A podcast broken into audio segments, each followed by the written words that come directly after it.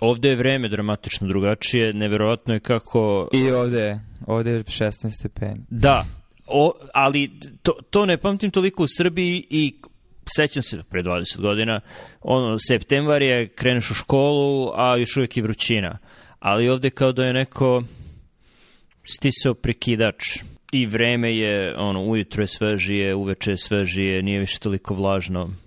Zanimljivo je ali dok, dok oko nisko ide, pošto ovde pada kiša već ono tri dana, pa bila pauza, pa pre toga još ne, bilo... Ovde, nema, da, ovde je ovaj, suvo. Uh, mislim, 22-3 stepena, savršeno vreme, ujutru. I mm. hladan vetar koji dolazi, pretpostavljam se, okeana. I ja, jako je lepo. I lišće polako počelo da... Nije, nije još žuto, ali krenulo je. Pa da, mislim, Tako da je jesen najbolje, mada još nije jesen, ovo je kasno leto, ali septembar i oktobar su, ako neko treba da poseti ovu, uh, ovu regiju, znači DC, Maryland, Virginiju, najbolja dva mesta su septembar i oktober. Dobri, Marti, okay. bez, bez dileme. Uh, drugo najbolje je Marti i April. Problem je što, za razliku od prelaza sa leta na jesen, gde je ono kao prekidač i vreme se poboljša. Nije postao je manje jasan prelaz iz zime u proleće i često proleće traje samo par nedelja, što se najbolje vidi po Cherry Blossom e, po cvetanju trešnje u, u Vašingtonu kad je ono naj, naj, najveći cvat koji, koji objavljuju, taj taj, to je, taj datum se menja od ono kraja marta do početka maja, tako da je mnogo, mnogo su veće varijacije u tome kad, kad pređe iz, uh, zime u proleće, a neki put pređe zime u leto. Mislim, pre par godina je krenulo sa, sa ispod nule na 30 stepeni u roku od nedelju dana. Dok je jesen mm. do sada u poslednjih, koliko sam ovde, puno godina, uh, e, onako bilo blaga. Što je, što je dobro. Sad smo postali kao starci koji pričaju o vremenu, jer nemamo druge teme, da, su druge teme, su... druge teme su suviše kontroverzne i ne želiš da upadneš u problem. Ne želiš nikome da nagaziš na, na prste. Ili kako se kaže na srpskom. Aha, ne znam kako bih rekao. Zato što vratno u našoj kulturi to nije čest problem, jer ljudi nemaju... A, u smislu konfrontativnija smo kultura u odnosu na purita, pu, e, potomke puritanaca ovaj, koji su i tekako uticali na razvoj američke kulture. Mm. Uh, pa ne znam, da, ja za malo da sad spomenem preobraženje, ono kao, od preobraženja je krenulo hladnije vreme ovde, tako da jesmo postali motorci koji pričaju vreme. Ali ajde, dotakni se neke kontroverzne teme, ja stvarno nemam trenutno nikakvu, ono, specifičnu inspiraciju vezano zašto, možda zato što sam i manje na Twitteru, što je u stvari net pozitiva. jer je Twitter ono nekada soči u, u iskrivljenu stvarnost koja opet nekad ima naznak i neke buduće stvarnosti, a dosta te stvarnosti je društvena stvarnost koja iako nema toliko fizičkih manifestacija uh, u, u primordijalnim fazama kroz prihvatanje uloga i oblika ponašanja dovodi do, mislim u opštem smislu, društvenih pojava gde ljudi svojim ponašanjem onda determinišu stvarnu stvarnost i onda društvena stvarnost ima i stvarnu stvarnost. Tako da i dalje pokušavam da pomerim taj šizofreni osjećaj gde um, znaš, neke stvari su isto vreme stvarne koliko i nisu stvarne. Dobro, da, da, nisam ja taj koji zagovara tu tezu da Twitter nije stvarni svet itd. itd. Na što me ti ubeđuješ da ne, ne, ne, ima mnogo više veze nego što misliš itd. itd. Možda zavisi od zemlje do zemlje. Pa ne, mislim, dobro.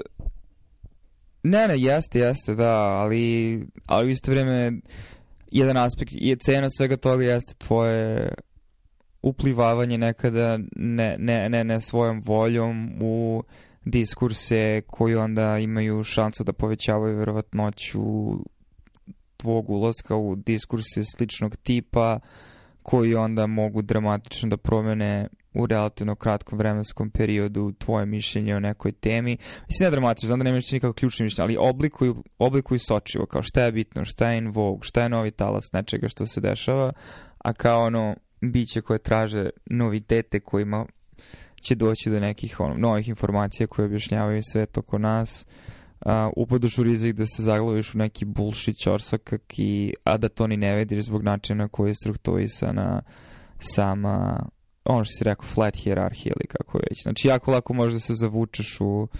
I ne pričamo teorijama zavira, pričamo generalno društvenim pojama, znači, i svako može da uđe u svoj, ono, mali ugao pakla na Twitteru i da tu provede dosta vremena pre nego što i poželi da izađe neki ljudi od toga onda napravi karijer. Da, tu se vraćamo na ono, ljudi su društvena bića, naš aparat psihološki je pravljen da tražimo uh, feedback, povratnu spregu, uh, ocenu našeg ponašanja od drugih ljudi i tražimo validaciju i uh, kroz većinu ljudske istorije, a i sad u većini sveta to se radi u kontaktu sa ljudima u fizičkoj sredini, ali naročito za određene društvene grupe, naročito u Americi, naročito u određenim delovima Amerike, više nema toliko fizičkog kontakta, tako da ljudi pronalaze to uh, online i onda nastaje no, nastaju psihopatološke reakcije i grupne formacije. Reci mi ako ti ova tema odgovara. Uh, uh, tekst.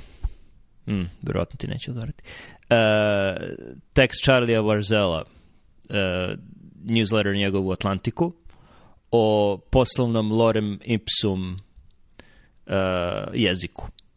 To je jezik koji se koristi u, u poslovnoj komunikaciji, koji možeš da popuniš puno vremena, a da ne kažeš puno ili da ne kažeš ništa uopšte. I šta više zbog uh, osjećaja zbunjenosti koju izazivaš u, u onome ko čita to ili sluša, uh, ukupna, ukupan sadržaj, inf, informativni sadržaj onoga što ti poslovni lorem ipsum ljudi uh, kažu je negativan. Tako da to stvari negativne informacije, to je uništitelj informacija.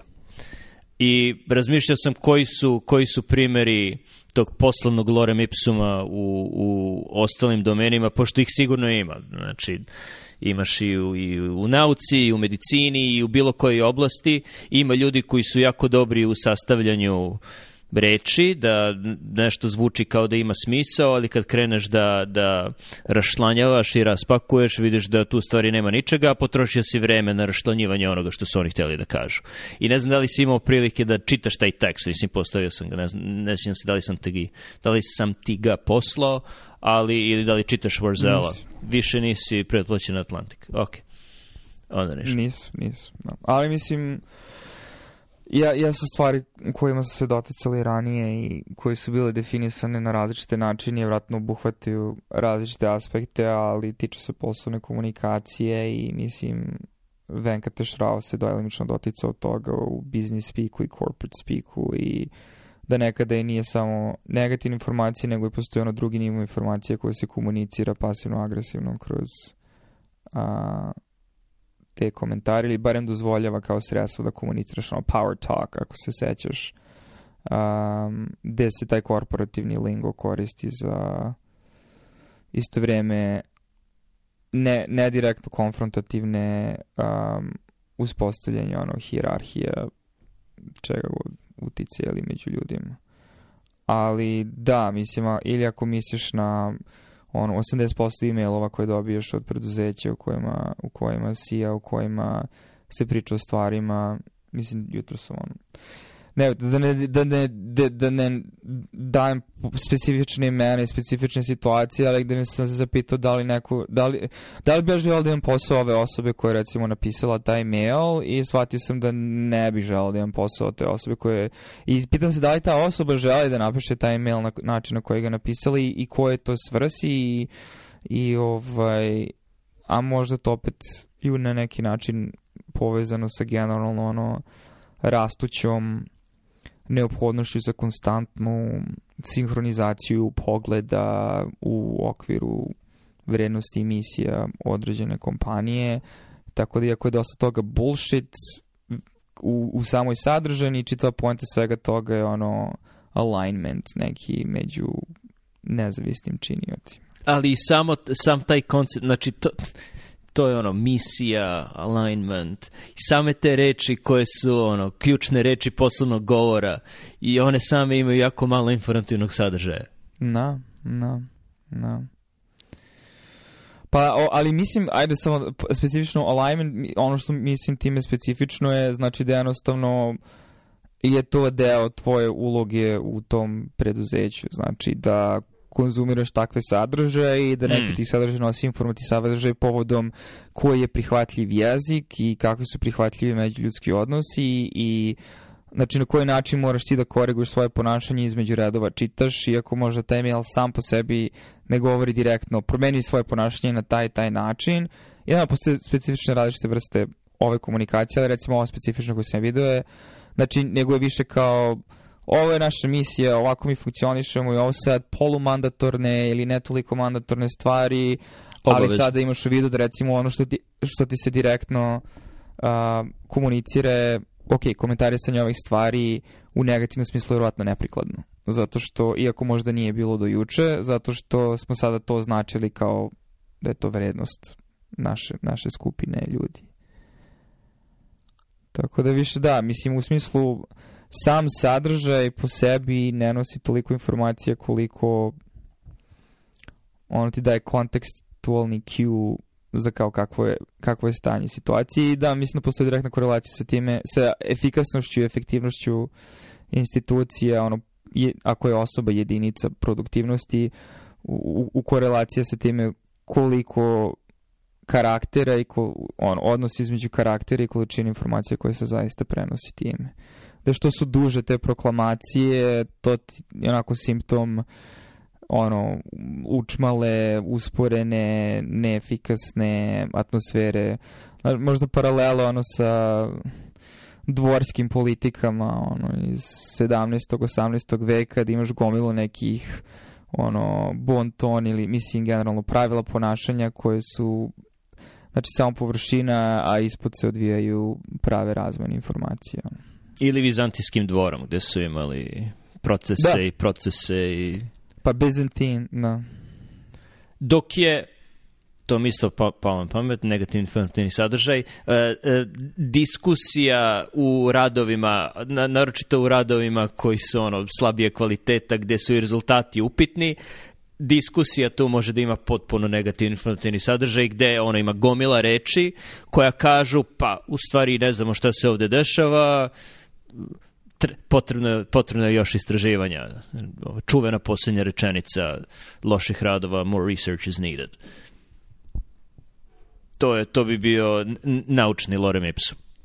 Sada, ono, kroz skorašnja iskustva u konzumiranju i, i pisanju, definitivno su neke stvari više počeli ispavati na površinu i da se definišu kao obrazci i a, da, jedno od njih definitivno jeste da sam ja i kroz samo svoje pisanje shvatio da mm, znači nije sad samo ono kao neki ono da treba izbjegavati akademsku sterilnost u komunikaciji, nego čak postoji čitav način pisanja radova koji nije ni pretjerano akademski, ali način na koji se pišu uh, su strukture rečenica koje recimo su previše rogobatne ili konfuzne, ali kao imaju neku stilističku vrednost, da tako kažem, znači taj rad ima neki svoj flow, ali način na koji ti dok čitaš procesiraš te informacije, ja shvatam ako ja treba da se vraćam na ono što si ti rekao negde, uh, znači da nisi uspeo u svom poslu i um, da to jeste, mislim ne znam da li je trend, um, ali definitivno da jeste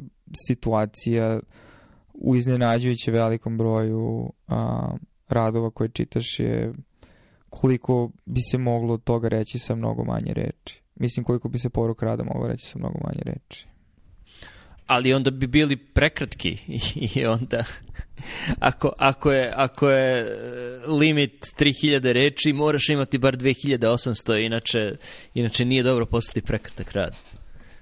Pa ne samo to, znači mislim i ono, ali postoji čito sistem postice, znaš ti, znači komentari recimo recenzenata na skorašnju stvar koju smo radili je bilo kao morate da ubacite više, ono, uradi summary and perspectives kao zasebno poglavlje u kojima biste više definisali svoje mišljenje po pitanju ovog novorastućeg polja, čito je pojente da je polje vrlo u razvoju i da bilo kako pravljanje komentara sa moje tačke gledešte više povećava šanse za pravljenje greške, jer ono, to je sad ti kažeš u kom smeru će ići dalje istraživanje, ali istraživanje nije, mislim, ono, planska gradnja nečega, nego je ono kao dosta ljudi da hipotezu recimo u skladu sa recimo nekim napretkom u nekom razumevanju nekog mehanizma, neke etiopatogeneze ili šta god, napriš još deset hipoteza u kom smeru to ide i možda će jedna ili dve biti istinite, ali ne može niko da zna na osnovu toga koja ti će biti istina dok ne uradiš eksperimentalni deo. Tako da me smaralo to injektiranje preterane interpretacije u pisanje da bi zadovoljio kriterijum nekoga ko će dozvoliti da publikuješ rad. Tako da čak i kad uđeš sa namerama da ne budeš previše interpretativan ili ono, kako si nazvao to, lorem ipsum, to se na neki način od tebe nekad i zahteva. To je zanimljivo. Mm, to, to možda ukazuje na, na tvoje neću da prejudiciram, nepoznavanje meta igre, objavljivanja revijskih radova i toga šta urednici gledaju kod revijskih radova. Postoji škola mišljenja, nisu svi tu, ali postoji škola mišljenja i kod ljudi koje znamo, da ako pišeš revijski rad, review rad, postoje samo dve opcije i samo dve opcije su validne. Prva je radiš sistematsku, sistematski pregled i meta-analizu, kao što radi Cochrane, kao što rade drugi, i da radiš ponovnu analizu individualnih podataka iz individualnih studija koje pažljivo izabereš i registruješ način na koji ćeš to raditi itd. itd. Da je to jedna opcija, a druga opcija je da daš svoje mišljenje o nečemu. Tako da oni uopšte ne, ne priznaju narativne revijske radove gde ćeš ti ne potpuno rigorozno i ne registrovano, ali na neki način pregledati dostupnu literaturu onoga što, što je objavljeno o datom polju i, i dati objektivan pregled toga ili koliko god objektivan može da bude u, u, u narativnom radu. Dakle, oni smatraju da to nije validni revijski rad i oni smatraju da je, je vrednost takvog rada mišljenje koje ide uz njega i naglašeno, naglašena editorializacija na, naglašeno to, ovo je naša perspektiva, ovo ja mislim, e, ovo što piše ovde, uključio sam te radove zbog svog jakog mišljenja. I onda, ako ne možeš tako da prodaš svoj revijski rad, neće ga uzeti u razmatranje. Moguće je da, naravno, postoji spektar, moguće je da, ako je to rekao recenzent ili uradnik, moguće je da oni spadaju u tu školu mišljenja, da, da moraš da imaš na, naglašeno mišljenje svoje. Što ako si neko ko se bavi nekim poljem ono 30 godina, pa naravno, mislim kako bi drugačije, oni su mene i pitali da pišem taj rad zato što sam poznat u tome i zastupam neka mišljenja i sad ću svoje mišljenje da napišem, ali ako si neko ko, ko je ono, na početku karijere, o, onda ti to verovatno ne leži baš, jer ili, ili druga stvar ako si ti na početku karijere ili drugo ovo što si ti rekao, ako je polje tek začeto, tako da je teško steći neko jako mišljenje, ali opet i to može da bude tvoje mišljenje, ovo je novo polje i daš paralele sa drugim novim poljema ili tako nešto. Na, ok, sad kad sam razumio tvoj odgovor, onda ću bolje reći ono što sam ispro, da, znači rad ispada više u kategoriju drug, drugu, znači koja nije bila sistemska revija, već a, pregled koji je imao svoje mišljenje. Poenta samo bila da čitav komentar bio na tom spektrumu da mišljenje moralo da bude daleko sadržajnije i informativnije, ali iz moje perspektive na osnovu podataka koje trenutno imamo dosta tih stvari ne možeš da kažeš, a da, nisi, da na neki način ne ubediš sebe bez pretrano dokaza da to treba da bude tako ili da hipoteziraš. Mislim, ok, dok je god se postoji i stvari stila i da, ali mislim, aj, pošto je tema uh, ono, sadržajnost i količina informacija koja se prenosi, možda i sad ja ne mislim da je moje mišljenje pretrano bitno i sada da otkrivanje tih sadržaja u, u previše detalja će biti informativno, ali definitivno sam mislio da ne mislim da smo nešto sad pretrano mnogo toga rekli. Neki, stvari, neki komentari su bilo kjena, pa ono što shvatiš, u smislu kao bolje izraziti načine dostatke, ali sada ti uh, previše daš preskripcije neke, a to, to mi onako imalo malo gora kukus u ustima, jer kao mislim ono, koliko bilo i mislim, skla, se s tom znači više decenijsko iskustvo ti definitivno daje više ono, mislim, težine, u kogu, jer znaš kako, kako idu polje, kako ide nauka i možeš na neki način da i razviješ intuiciju i bez mnogo informacije da predvidiš po znacima navoda kako se stvari mogu razvijeti, ali Uh, čudim da se to traži, eto, znajući ko je i posljednji autor i prvi autor. Da, ali, ali to je, upravo je taj stav urednika i ta želja da se izrazi mišljenje, čak i ako možda nije, nema dovoljno informacija da, da imaš čvrst stav ili osoba koja piše nema dovoljno iskustva da, da proda neki stav, to možda dovodi do, do ono, generacije Lorem Ipsuma, jer si ti onda stavljen u poziciju gde mora da kažeš nešto i to nešto mora da deluje informativno, Neka, ne, ne optužujem ti da si pisao Lorem Ipsum, Lorem Ipsum ali to, to je deo, deo generatora. Ako, ako neko ko, ko nema mišljenje ili ne želi da iskaže svoje mišljenje ili ne misli da je to mišljenje validno koje se od njega zahteva da kaže, mora da napiše nešto. I onda tako si u stanju da napišeš 600 reči ni o čemu.